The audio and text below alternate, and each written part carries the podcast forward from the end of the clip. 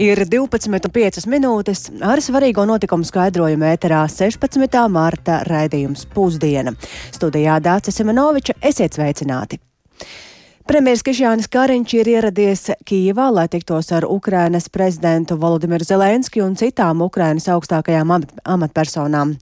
Par ko būs šīs sarunas, to vaicāsim Latvijas radio korespondentei Ukrainā Indrais Prāncei, kura šobrīd pievienojas tiešraidē. Labdien, Indra! Labdien! Jā, Kariņš eh, šodien ieradies savā pirmajā vizītē Ukrainā kopš Krievijas vispārējā iebrukuma pērn 24. februārī. Un paredzēts, ka viņš tiksies eh, ar Ukrainas augstākajām amatpersonām, tātad prezidentu Zelenski, spīkeru Stefančuku un Ukrainas premjerministru Denisu Šmihaļu. Un eh, šajās tikšanās reizēs varētu tikt runāts par divām Ukrainai ļoti būtiskām lietām. Pirmā no tām par to, ka Ukrainai jau šogad, neskatoties uz kāru, kas turpinās, vajadzētu uzsākt pievienošanos Eiropas Savienībai. Tādā veidā Ukrainai tikt nodrošināta skaidra nākotnes perspektīva, un tas arī varētu stiprināt Ukraiņu apņēmību cīņā šobrīd ar iebrucēju. Un uh, otrs jautā, jautājumu bloks ir saistīts ar to, kas un kā notiks ar Ukrainu pēc kara kuram, protams, agrāk vai vēlāk vajadzētu beigties. Latvija jau ir un turpina visos veidos atbalstīt to, ka Ukrainai ir jākļūst par NATO dalību valsti. Nu, tāpat, protams, šajās sarunās Latvija atkārtot varētu apliecināt savu neatslāpstošo atbalstu Ukrainai. Latvija līdz šim Ukrainai ir sniegusi atbalstu pat 500 miljonu eiro apmēr, apmērā un, un tas pārsniedz 1% no mūsu iekšzemes koprodukta. Tāpat nu, pat ir nolēmts uz Ukrainu nosūtīt vēl vienu jaunu apjomīgu militāru atbalsta kravu, un, protams, tiks turpināts arī atbilst, atbalsts Černīhivas apgabalām, kuru, kuru mēs nolēmām atbalstīt jau pērnu rudenī, un tur kritiskās infrastruktūras un mājokļu atjaunošanai Latvija varētu ieguldīt pat vairākus miljonus eiro. Tas tātad par mūsu nerimstošo atbalstu un arī šīm sarunām, bet eh, saka Indra, kāda šobrīd situācija ir Kīvā, vai tur viss ir mierīgi? Jāsaka, ka šī vizīte notiek salīdzinoši nu, nemierīgos apstākļos tādā ziņā, ka pēdējo dienu laikā Kīvā salīdzinoši bieži notiek gaisa trauksmes, un arī šorīt no pulksten 9 līdz pat pus 11 bija gaisa trauksme. Uh, visas šīs trauksmes gan ir bijušas bez reāliem uzbrukumiem, bet to tā īsti, protams, nekad nevar zināt, kā, kā, kā tas varētu būt. Tāpat pagaidām nav arī informācijas, vai šī, vai šī rīta gaisa trauksme ir ietekmējusi premjera plānus un gaitas šeit Kīvā. Zināms, ka viņš bija iecerējis apmeklēt arī Irpiņu un Buču vietas Kīvas pievārtē, kas smagi cieta Krievijas vispārējā iebrukuma sākuma periodā pērn martā. Sagaidāms, ka vēlā pēcpusdienā varētu kļūt zināms arī detalizētāk, kas tad šodien šajās tikšanās ar Ukrainas augstākajām, amatpersonām ir pārunāts, un tad noteikti ziņošu vairāk. Tas šobrīd viss. Jā, paldies, Indra, tev par ziņām no Ukrainas. Atgādināšu, ka premjers Krišjānis Kariņš ir šodien ieradies Kīvā un tiksies ar augstākajām amatpersonām tur. Bet, ja par pašu Ukrainu, tad Krievijas spēku centieni aplenkt Bahmutas pilsētu Ukrainas austrumos tuvojas kulminācijai, tā uzskata Rietumvalstu militārie analītiķi. Tikmēr kaujās pie Vuhledaras pilsētas iebrucēja karaspēks cieši milzīgus dzīvā spēka zaudējumus. ASV maksimāli ātri cenšas piegādāt papildu bruņojumu Ukrainai un arī apmācīt Ukraiņu karavīrus, lai varētu uzsākt ilgi gaidīto pavasara ofensīvu. Un par visu vairāk Uldis Česbers.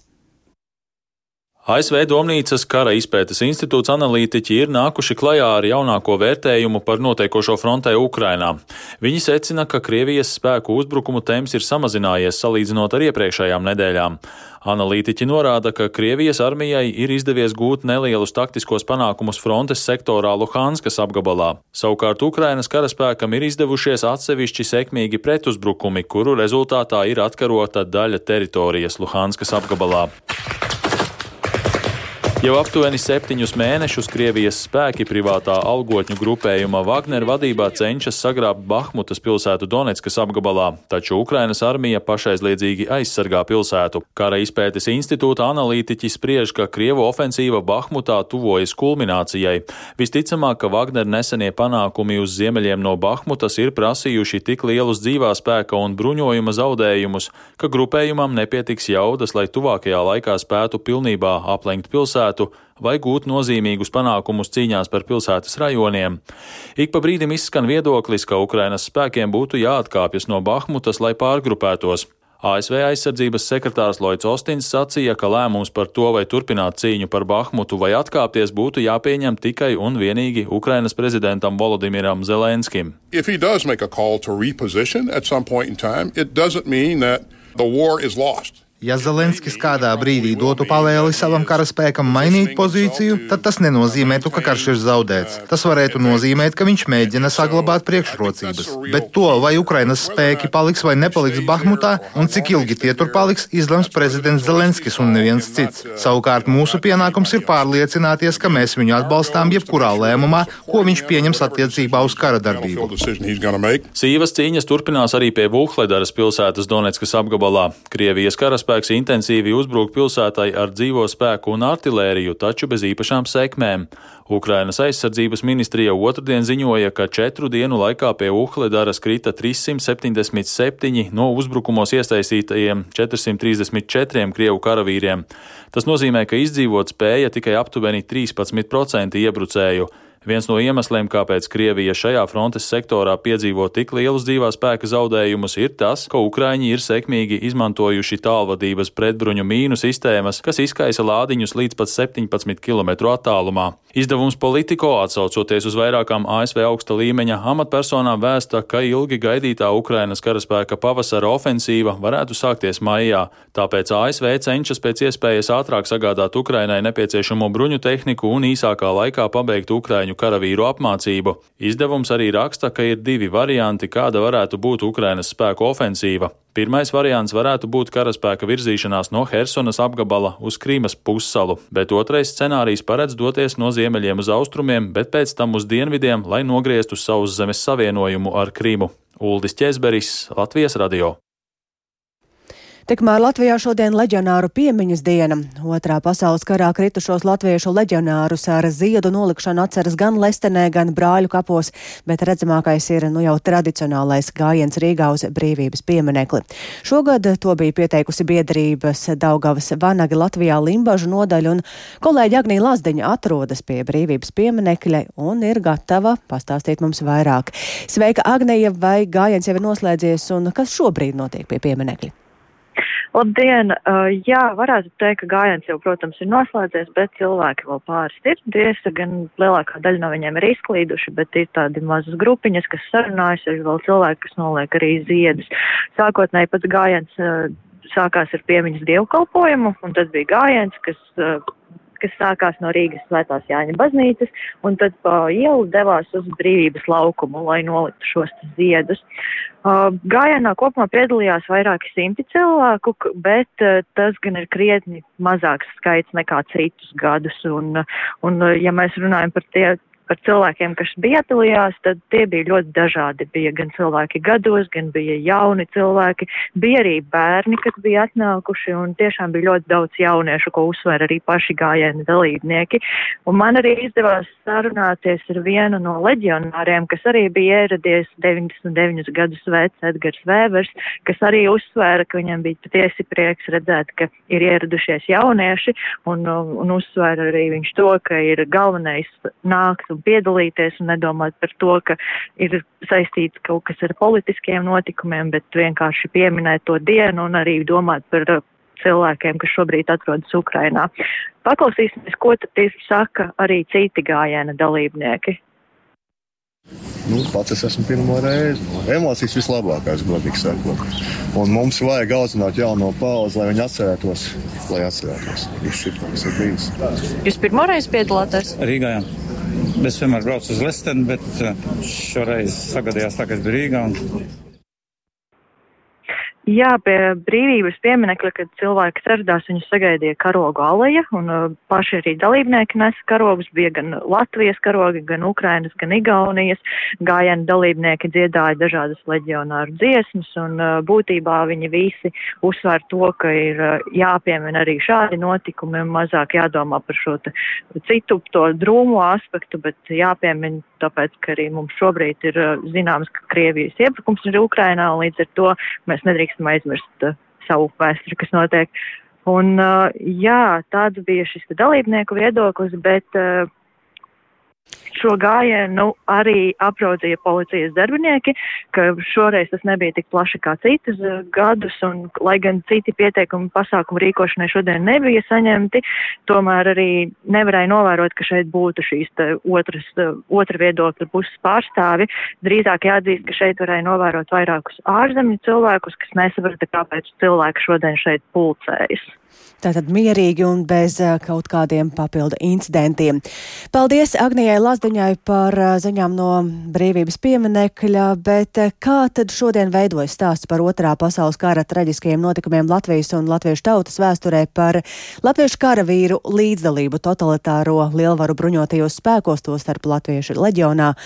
Latvijas kara muzejs vēlas veicināt sabiedrībā diskusiju par šiem jautājumiem, un tāpēc šo pēcpusdienu muzejā ir iecerēts arī pasākums, kurā vēsturnieki runās par to, kādi tad mīti un leģendas pastāv un kāda ir patiesība par Latviešu leģionu gan pagātnē, gan tagad, un par 16. martu vairāk kara muzejas direktors Kristīnas Skrīveris teiktais kolēģē Dārai Zīlē programmā Labrīt!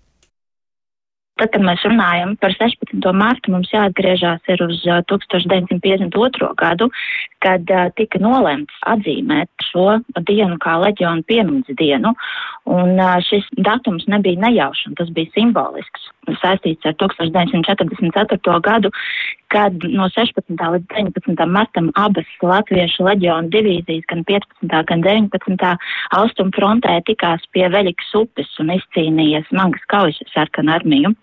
Un rietumos dzīvojušo latviešu sabiedrībā 16. marts kā leģiona karavīru piemiņas diena tika atzīmēta katru gadu pilnīgi legāli, un nevienā latviešu mītnes zemē netika izteikta nekāda pārmetuma par šī datuma atzīmēšanu, bet, protams, šie notikumi, kas šobrīd ir arī saistībā ar Ukrainu, ir atkal savā ziņā pacēluši šo jautājumu, bet tieši tāpēc ir šī diskusija, un diskusijas sākumā šodien mēs arī sāksim ar vēsturnieka Valda Kuzminu ievadu paziņojumu par dažādu datumu izcelšanu mūsu militāru politiskajā vēsturē, jeb latviešu karavīru piemsdienu tradīcijām, un tad arī meklēsim atbildes uz šiem jautājumiem.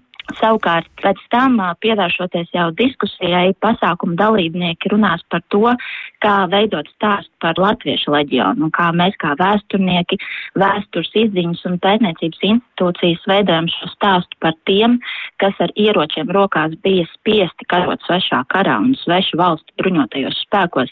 Šodien mēs runāsim arī par to, kā šo stāstu pasniegt rietumvalstu auditorijai, kas ir, manuprāt, arī ļoti, ļoti būtisks jautājums. Un galu galā, kā par latviešu leģionu un vispār latviešu karavīriem otrā pasaules kara abās frontes pusēs stāstīt mūsu jaunatnē skolās un kā šis jautājums tiek aplūkots Latvijas vispār izglītojošajās mācību iestādēs šobrīd. Un man liekas, šis jautājums ir ļoti būtisks, īpaši ņemot vērā pēdējā laika diskusiju sabiedrībā par vēstures mācību skolās kā tādu. Vēsture nu diena ir tā lieta, kas ir jāskaidro, par ko ir jārunā un kas ir jāizprot, jo nu arī 16. marta kontekstā bieži dzirdam, ka tas ir pretrunīgs datums, bet eh, kur tad ir tās lielākās pretrunas? Es jau pieminēju, kā mēs, kā vēsturnieki, kā vēstures institūcijas, veidojam šo stāstu, kā mēs komunicējam ar sabiedrību. Un uh, tur arī uh, veidojas tās pretrunas, jo mums pašiem ir jābūt skaidram, konkrētam, noteiktam uh, vēstījumam. Un tieši tāpēc ir tik ļoti būtiski veidot ne tikai pētījumus, bet arī šādu veidu diskusijas un diskutēt ar sabiedrību jau plašākā mērogā lai šīs pretrunas mazinātu. Bet tas, kas ir pats būtiskākais, ir jā, mums pašiem ir jābūt skaidram vēstījumam par uh, leģionāru dienu, par uh, 16. martu un vispār par to, kā mēs uh, pieminam mūsu karavīrus. Tā Latvijas kara muzeja direktore Kristīna Skrīvera un jāpiebilst, ka muzeja diskusija nebūs pieejama tiešēdē, bet pēc diskusijas gan tās ieraksts būs atrodams muzeja mājaslapā ikvienam. Mēs savukārt turpinām ar nedēļām banku sektorā. Šveices banka Credit Suisse ir paziņojusi, ka no valsts centrālās bankas aizņemsies līdz pat 50 miljārdiem franku, jeb 51,4 miljārdus eiro, lai stiprinātu tās finansiālo stāvokli pēc akcijas cenas strauja krituma. Vairāk ir gatavs stāstīt kolēģis Rikārds Plūme, kurš šobrīd pievienojas tiešraidē. Sveiks, Rikārd! Saki, cik tad nozīmīgi ir šī banka un kādas nedēļas to ir skārušas? Jā, nu jāsāk laikam ar tādu nelielu ieskatu netālā vēsturē. Vēl 2021. Eh, gada februārī Credit Suisse akcijas bija vērtas 12,78 eh, šveicis frankus, taču kopš tā laika banku ir skārušas eh, vairākas problēmas, kas ir, tā teikt, sēdušas bankas tirgus vērtību un kas ir kritusi jau par vairāk nekā 80%. Un vēl pērn finanšu gadā, 2022. gada finanšu gadā, banka iezīmēja tīros zaudējumus 7,3 miljārdu šveicis franku apmērā, un e, šis zaudējuma apmērs bija lielākais kopš 2008. gada finanšu krīzes. E, banku skāruši arī vairāki citi skandāli un bažas par iekšējo kontrolas mehānismu nepilnībām, un šīs problēmas tad likušas veikt bankā arī vērienīgu restruktūrizāciju. Un jāmin, ka Credit Suisse ir viena no 30 bankām visā pasaulē, kas tiek uzskatītas par tā teikt pārāk lielām, lai ļautu tām vienkārši bankrotēt, un tādēļ arī atliek šai bankai atvēlēt vairāk naudas, lai, lai tā spētu pārvarēt esošo krīzi. Un eh, trešdien vakar sekoja kārtējās nepatikšanas eh, šajā garajā problēmu ķēdē, kad eh, bankas akcijas cenas strauji samazinājās, jo tās liels akcionārs Saudārābijas Komercbanka Saudī National Bank atteicās bankā veikt papildu investīcijas. Un šīs akcijas cenas straujais kritums un visu šo problēmu kopums lika Šveices centrālajai bankai izplatīt paziņojumu, kurā tā norādīja, ka Credit Suisse kapitāla un likviditātes līmenis kā sistēmiski svarīgai bankai esot atbilstošs, tomēr tajā pašā laikā Šveices centrālā banka arī solīja nodrošināt likviditātes pieejamību, ja būs tāda nepieciešamība. Un jā, jau pēc dažām stundām Credit Suisse arī paziņoja, ka tā no centrālās bankas aizņemsies šos 50 miljārdus un skaidroja, ka šīs aizdevums atbalstīšot bankas pamata biznesu un klientus. Jāsaka, ka pēdējo stundu laikā pēc šiem visiem paziņojumiem bankas akciju vērtība ir cēlusies par nu jau veseliem 40%. Dace? Tas ir par šo banku tāds skaidrojums, bet saki, ko mēs varam, kādus secinājumus varam izdarīt tādā plašākā kontekstā, ko šīs problēmas nozīmē? Jā, nu divos vārdos varētu teikt, ka tas nozīmē satraukumu un neziņu. Analītiķi jau kādu laiku ir brīdinājuši par pieaugušām bažām par šīs Šveices bankas dzīvotspēju un, un tās ietekmi uz lielāku banku sektoru. Un uh, tiek norādīts, ka bankas galvenais izaicinājums ir rentabilitāte, un uh, uzticība bankai var netikt pilnībā atjaunota tikai ar tās likviditātes nodrošināšanu.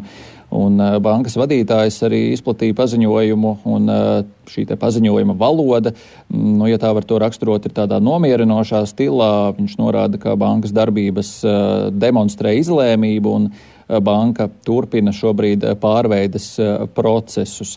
Eh, plašākā mērogā satraukumu radīs tas, ka īsā laika posmā šis ir jau otrais eh, trauksmes zvans, ja tā var teikt, proti joprojām pastāv bažas par ietekmi, ko tad varētu izraisīt šīs ASV Silicon Valley Bank sabrukums, par ko nesen vairāk kārt arī esam ziņojuši.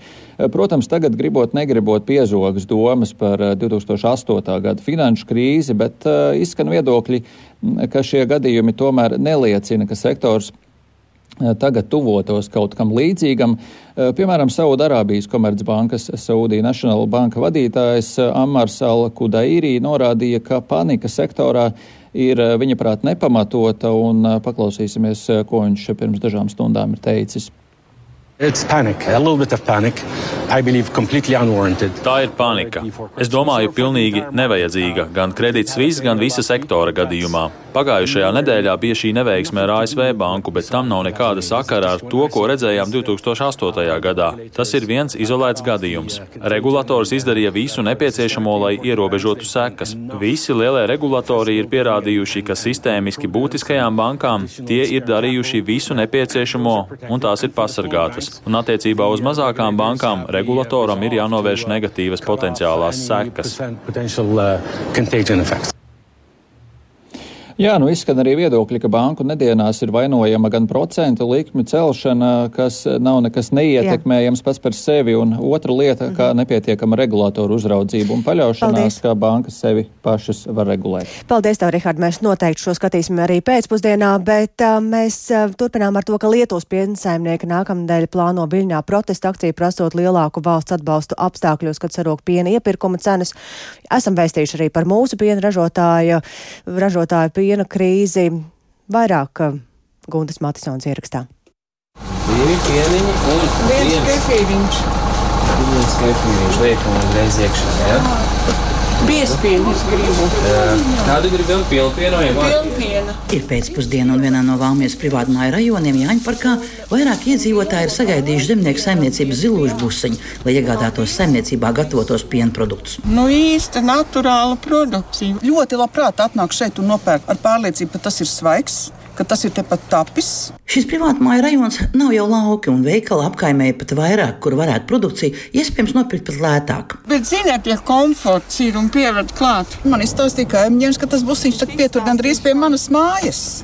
Un tā es arī nāku, un kopš tā laika es citu kefīru nu, no brīvprāta vairs nepērku. Varbūt ir drusciņi dārgāk, bet garšīgāk. Izšķirties par labu pienu pārstrādē pašu saimniecībā un pašiem arī produkciju piegādāt pircējiem, kā stāsta saimnieks Valds Grasbergs Lembergs lika tieši vienu no piena krīzēm. 14. gadā bija embargo, aizslēdza Krievijas tirgu.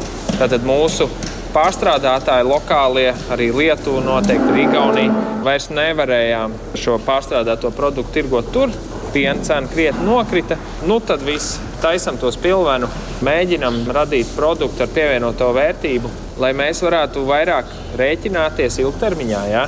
Un tāds viss sākās. Daļa piena tiek nodota pārstrādē, bet daļa dažādos produktos pārtop pašu saimniecībā. Tālāk nāca tur dažādas tehnoloģiju grāmatas, veco laiku grāmatas. Tā varētu teikt, ka tie mūsu produkti tapa tā, lai mēs paši viņus gribētu lietot pēc ulmaņa laiku receptēm, modernās iekārtās. Šobrīd jau var teikt, ka zilūža produkcija tiek piegādāta pircējiem visā vidzemē, arī Rīgā. Bet laukos šie busiņi, kuros ir nevien pašu saimniecības pienprodukti, bet arī maize un citu saimniecību produkcija, kā stāsta tirzniecības pārstāvs Mārtiņš Svitka, pild arī autoveikalu funkcijas.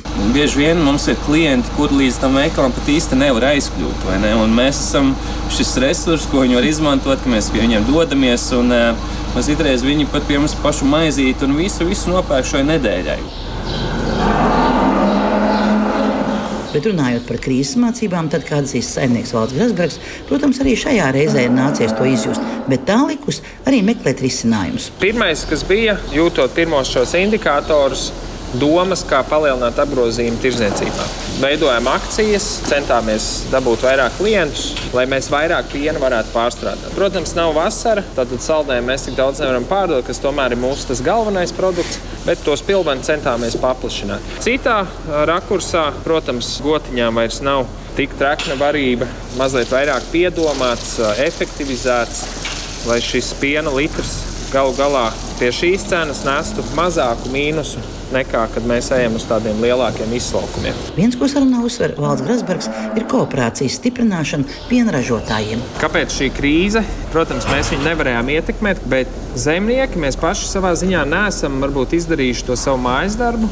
Jo vairāk mēs sanāksim kopā, jo stabilāku šo kardiogrammu mēs varam panākt. Ka viņi ir tāda maigāka. Ja?